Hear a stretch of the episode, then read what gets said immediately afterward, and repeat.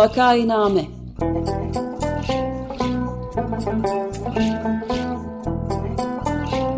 Salgın günlerinde memleket manzaraları Hazırlayan ve sunanlar Güven Güzeldere, Ömer Matra ve Özlem Teki.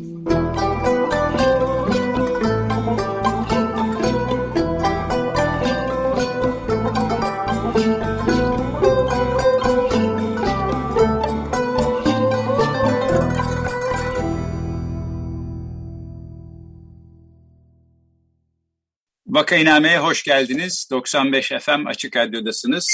Programı Ömer Madra, Özlem Teke ve ben Güven Güzeldere birlikte sunuyoruz. Bugün konuğumuz Can Selçuki. Hoş geldiniz Can Bey. Merhabalar, hoş bulduk. İyi hoş geldiniz. Hoş geldiniz. Merhaba. Merhabalar, konuğumuz Can Selçuki. Bilkent Üniversitesi Endüstri Mühendisliği bölümünü tamamladıktan sonra Bocconi Üniversitesi'nden ekonomi ve sosyal bilimler alanında yüksek lisans eğitimi aldı. Şu anda pazar araştırma ve büyük veri analizi yapan İstanbul Ekonomi Araştırma Şirketi'nde genel müdürlük görevini sürdürmektedir. Bu görevi dahilinde Türkiye'de kamuoyu verisinin demokratikleştirilmesi projesi olan Türkiye Raporu internet sayfasını kurmuştur. Tekrar hoş geldiniz. Hoş bulduk, teşekkür ederim. Ee, Can Bey, şimdi sizin yaptığınız araştırmalar ışığında e, seçimler de yaklaşıyor. Sonuçta işte yani en e, yüksek e, ya da erken seçim olmazsa bir seneyi biraz aşkın bir süre içinde e, seçimler olacak.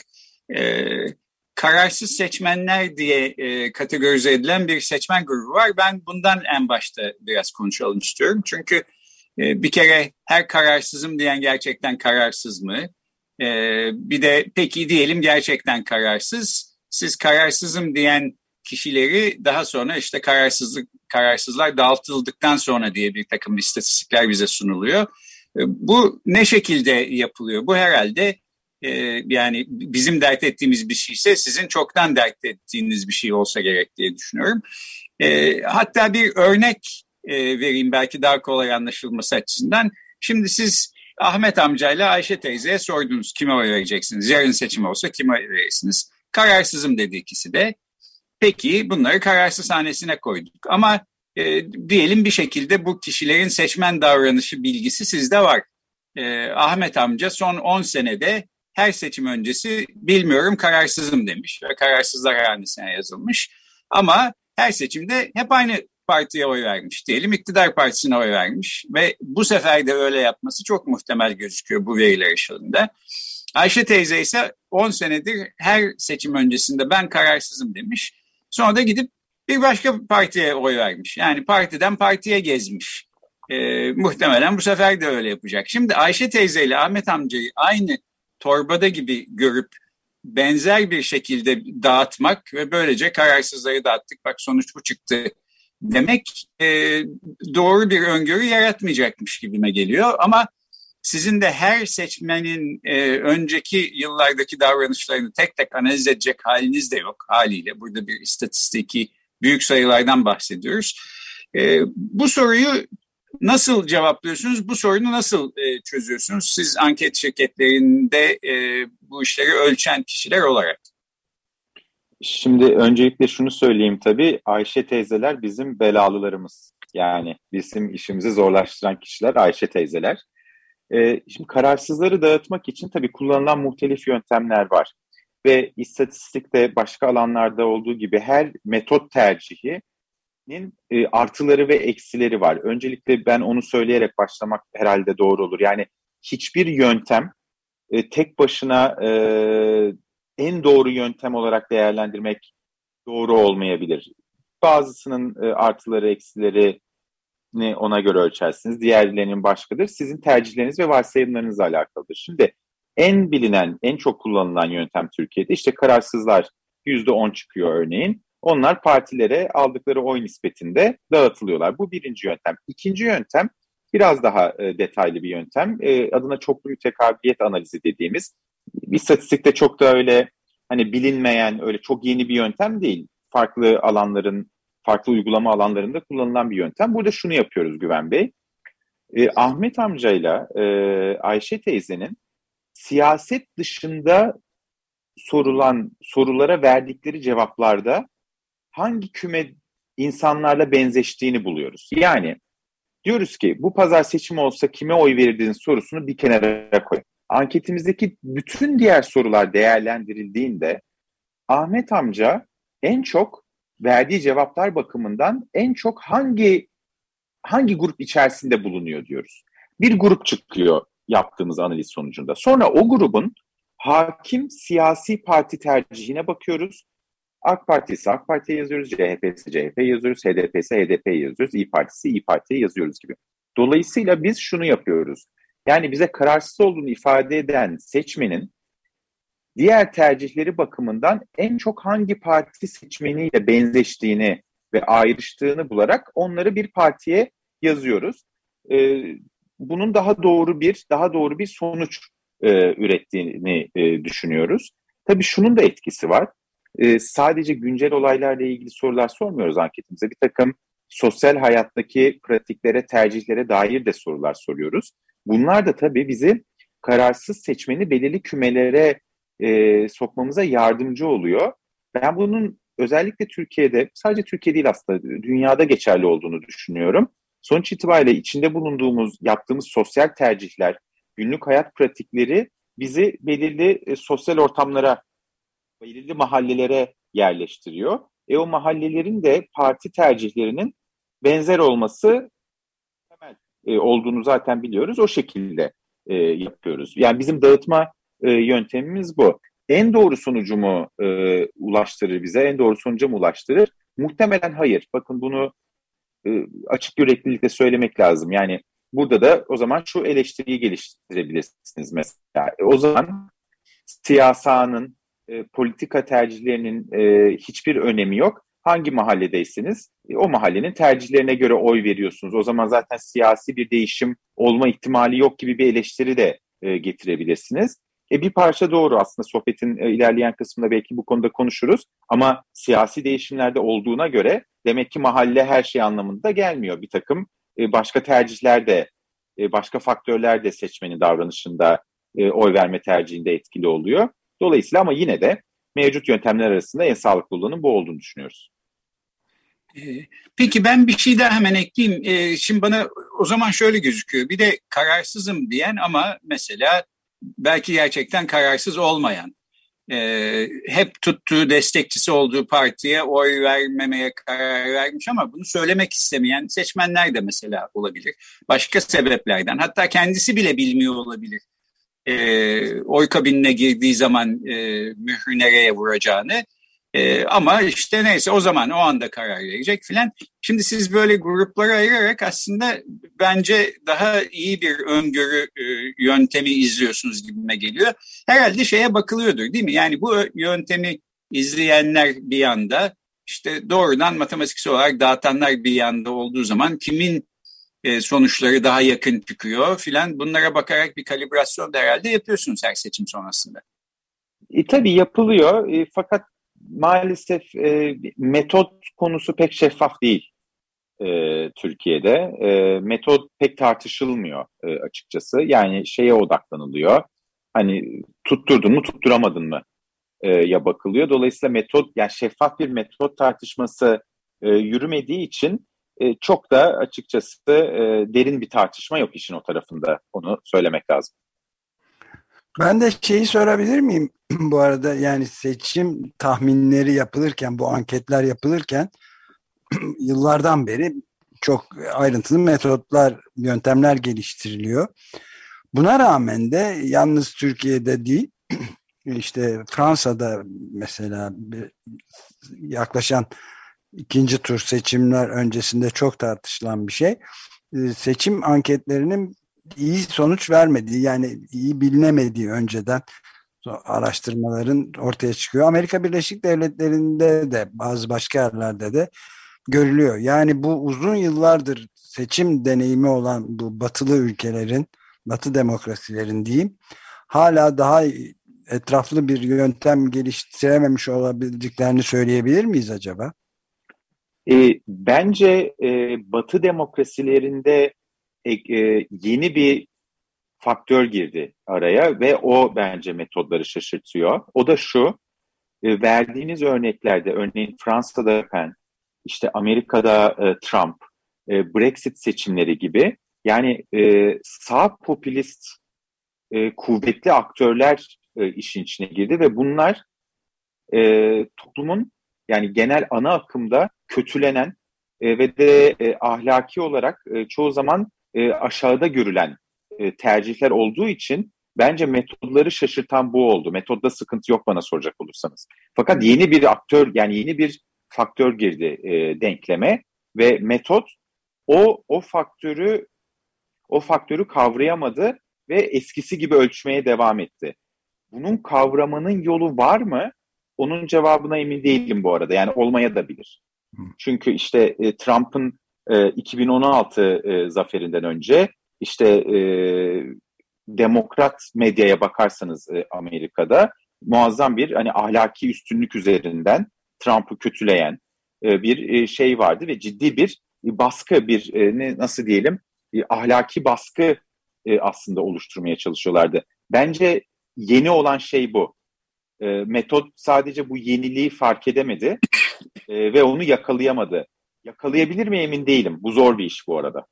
Evet ben tam da bunu kastediyordum zaten son Macaristan'daki Orban seçimleriyle büyük yanılgı oldu mesela. Batı demokrasisi derken tam Macaristan'da kastediyor muyum emin değilim ama yani çok ciddi bir e, yanılma payı ortaya çıkıyordu. Tam da bu popülist sağ iyice sağa kaymış liderler yüzünden olduğunu düşünüyorum. Çok teşekkürler bu cevap için. Bu popülist liderler konusunda Özlem Hanım'ın da bir sorusu var. Ben de şimdi gördüm. Aslında belki ondan da konuşmanın zamanıdır. Sonrasında da e, e Can Bey siz bu protesto oylarının da aslında yüksek olabileceğini falan söylüyorsunuz. Kararsız başka, protesto oyu başka ya da protesto için oy vermeyenler başka. O konuyu da bu popülizm hikayesinin ardından belki konuşalım. Ben sorumu yönelteyim o zaman. Ee, şimdi AK Parti'den e, kopuşlarda kararsızları bile geçen oranda oy kullanmayarak protesto oylarının olduğunu görüyoruz. E, oy kullanmam diyenler yüzde on iki, kararsızlar yüzde on civarında gözüküyor. Her iki kitleden de oy alabilme koşulu olarak Erdoğan benzeri güçlü işte bu sağ popülist lider profili sizce hala Türkiye'de avantajını sürdürüyor mu yoksa bu bir e, kısıtlı olabilir mi? Ee, şimdi Kılıçdaroğlu'nun adaylığı da gündemdeyken böyle güçlü politikaları ve söylemi olan bir e, sol bir adayın çekim merkezi olma ihtimali nedir sizce? Şimdi şuna ben dikkat çekmek istiyorum. Yani uzun zamandır e, bu konuda biraz e, kafa yoruyorum. Yani ilk baştaki bölümde de söyledim. Yani Türkiye'de acaba siyasanın önemi yok mu diye bir tartışma bence çok e, ilgili bir tartışma. Oradan sizin sorunuza bağlayacağım. Şimdi 2019 Mart seçimlerini hatırlayalım. Ee, iktidar muhalefet dengesi yaklaşık %55'e 45 olarak kuruldu muhalefet e, lehine.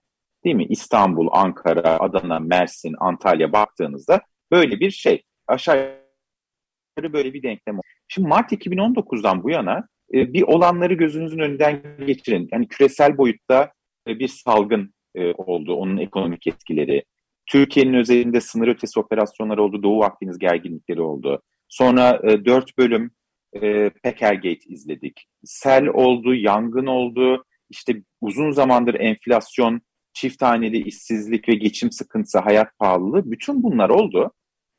Fakat 2022 Nisan'ındayız şu anda. Geldiğimiz yerde muhalefet iktidar dengesinin 60'a 40 olduğunu görüyoruz. Yani 55'e 45'ten 60'a 40 oldu. Bazen 57'ye 43 oluyor. Bazen 60'a 40 oluyor.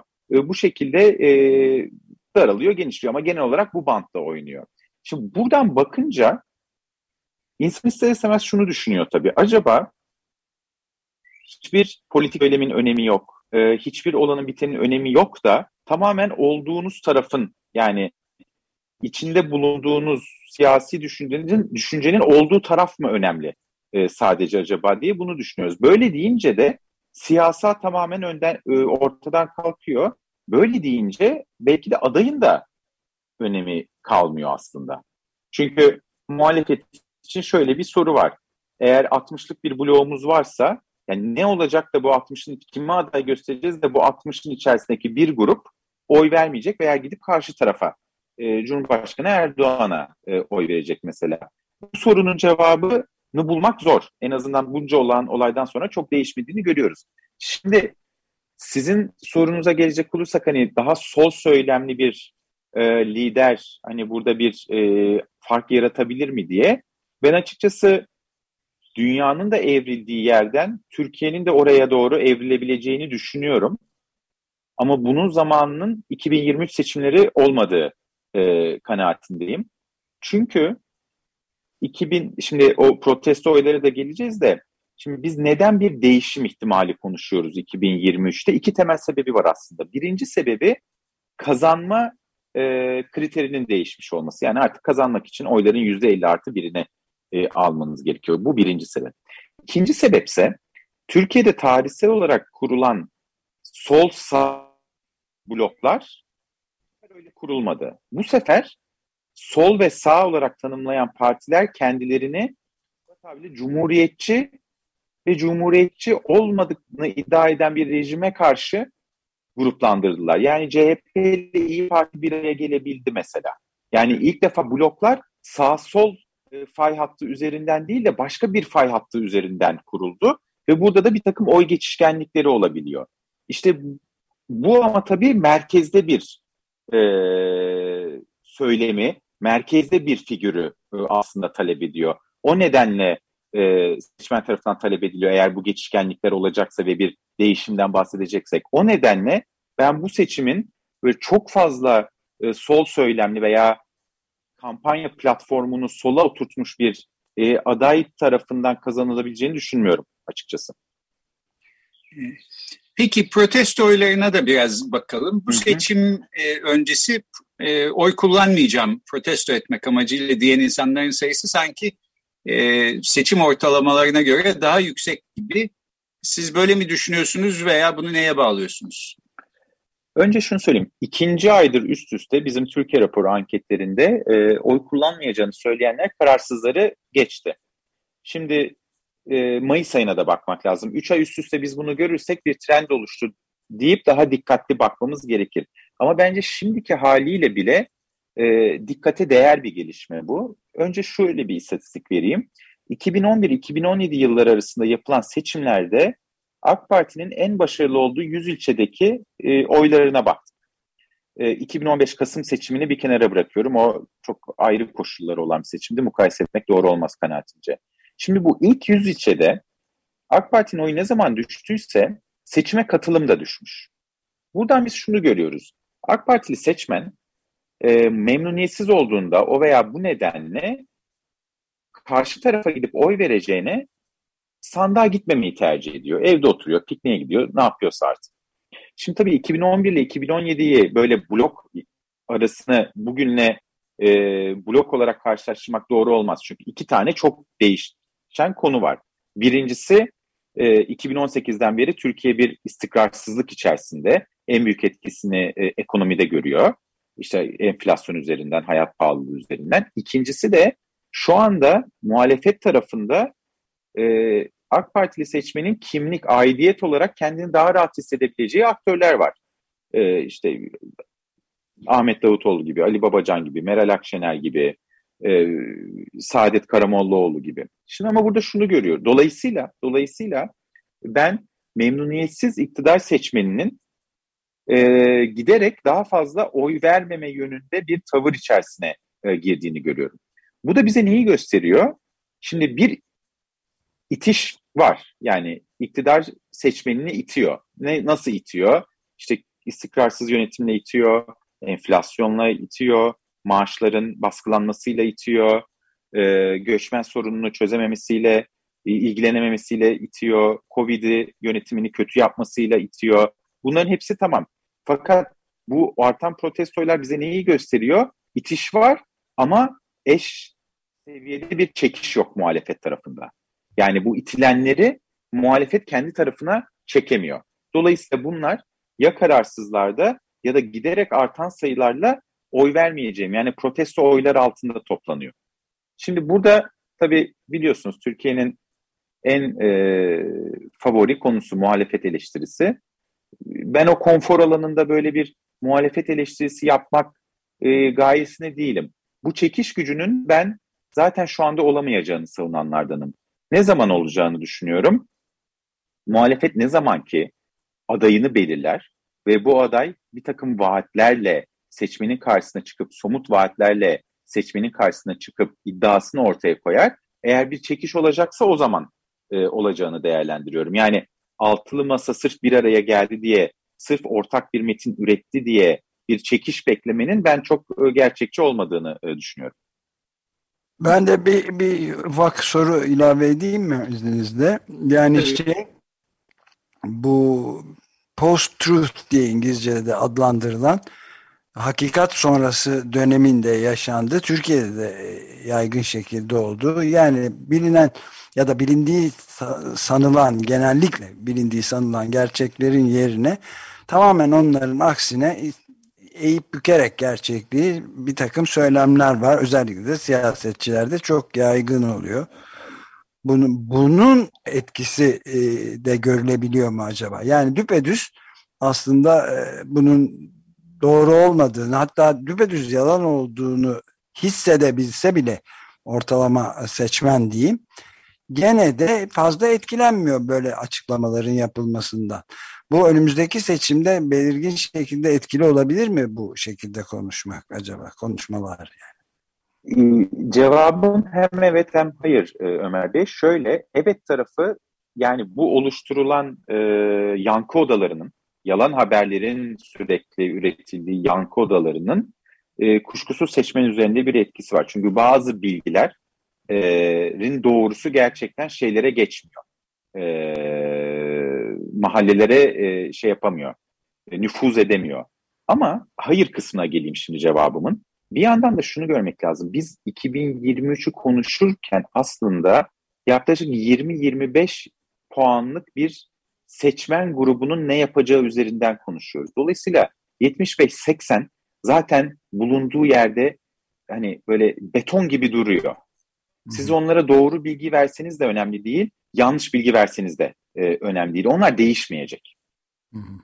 Esas önemli olan ama bu 20-25'lik hani İngilizce'de swing voter tabir edilen bizim yüzer gezer e, seçmen olarak Türkçe'ye e, çevirdiğimiz bence güzel de bir tabir. Yüzer gezer olma ihtimali olan seçmen üzerinden aslında biz e, bir şey konuşuyoruz. Hani az önce de şey dedim ya hani sağ sol ekseninde kurulmadı e, bloklar başka bir eksende kuruldu. İşte bunu bu etkiyi yaratabilir mi? Bunlar da kulakları tabii başka bilgileri dinlemeye daha açık.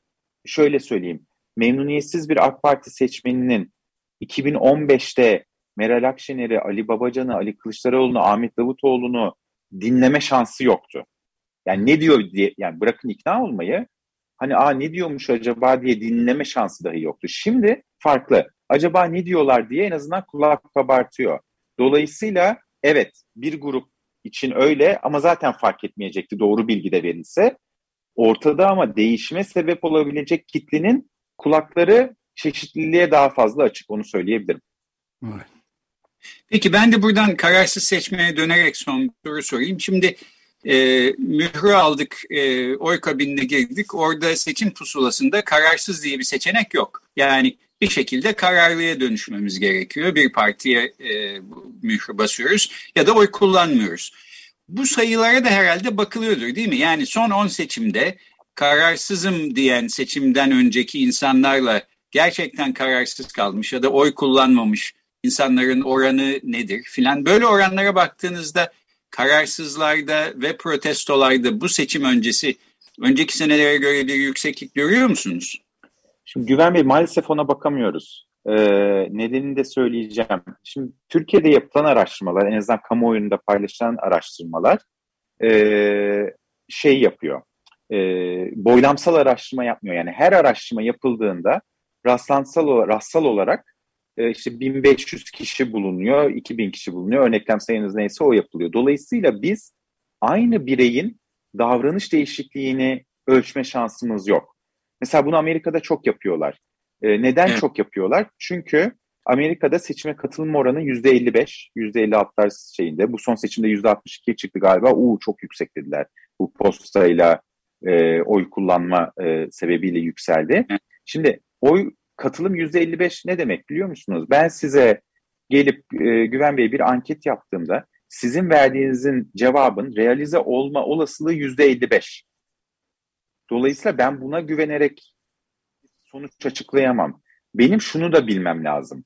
Sizin profilinizin işte e, Amerika'da bu çok kullanılıyor işte ten renginiz, yaşınız, nerede oturduğunuza dair bir demografik profilinizin sandığa gitme olasılığını hesaplamak durumundayım.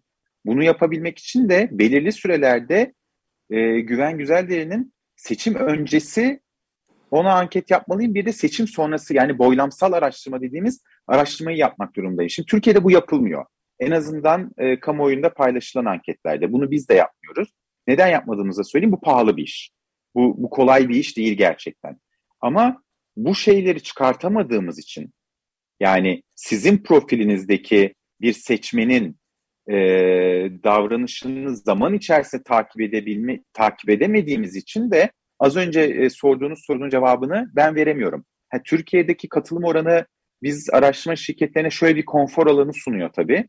Katılım %85 seviyesinde olduğu için ben size gerçekleştirdiğim ankette şunu aşağı yukarı biliyorum. Yani %85 olasılıkla sizin verdiğiniz cevap realize olacak. Dolayısıyla beni çok şaşırtma şansınız yok. Yani yalan söylüyor olabilirsiniz şey yapar. Onu kontrol etmenin başka yöntemleri var tabii. Ama şeyi yok. Maliyet ve bu konfor alanından dolayı boylamsal araştırmalar Türkiye'de pek e, yapılmıyor. O yüzden mesela şunu bilemiyoruz.